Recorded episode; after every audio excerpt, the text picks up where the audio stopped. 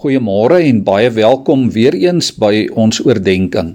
Ons dink hierdie week oor die Heilige Gees en oor sy teenwoordigheid en sy werk in ons lewe. In Galasiërs 5 vers 13 tot 26 skryf Paulus oor die Heilige Gees en oor ons sondige natuur.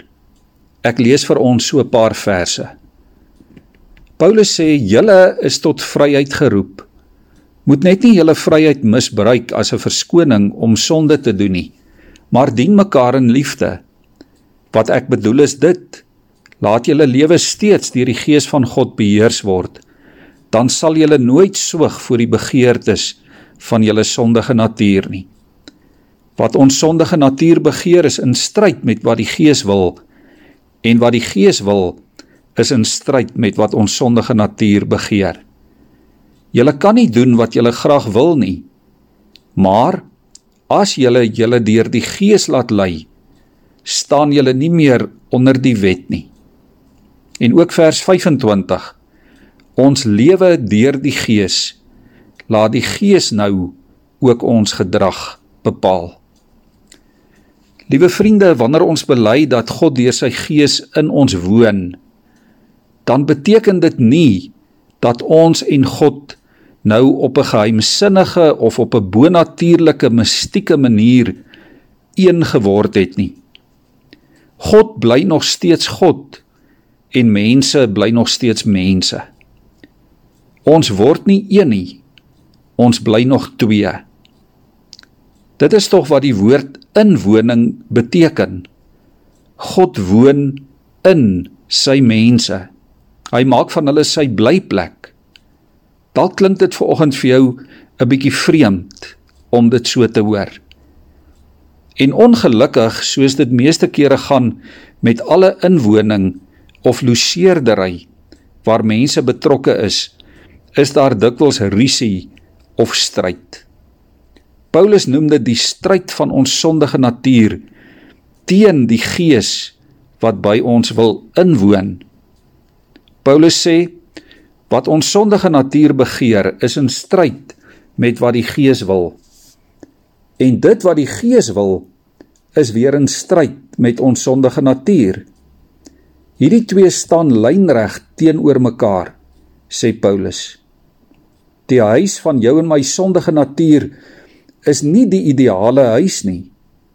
En daarom is daar konflik met die gees van God wat in ons wil bly. En tog wil hy steeds van ons, ja van jou en my, sy blyplek, sy woonplek maak.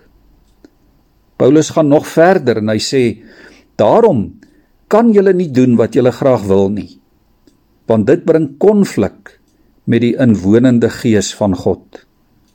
En daarom is Paulus se raad vir ons: Ons lewe deur die Gees, sê Paulus. Laat die Gees dan nou ons gedrag bepaal.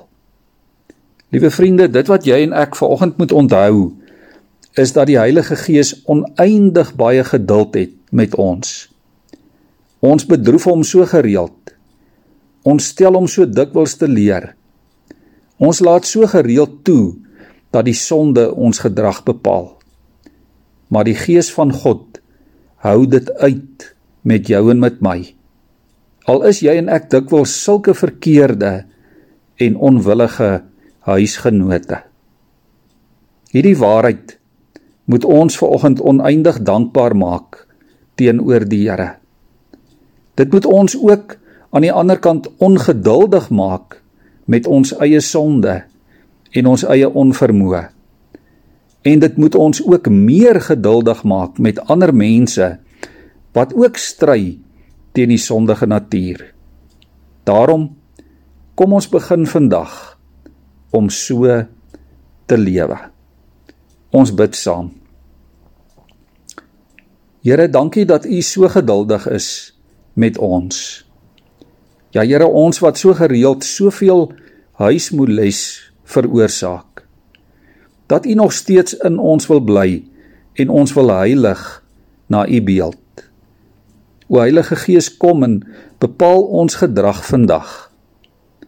Ek gee my aan U oor sodat U die Heilige Gees van die lewende God my lewe kan beheer. Kom vul elke vertrek van my lewenshuis. Ja Here, kom maak U tuis in die kamers van my hart. Amen.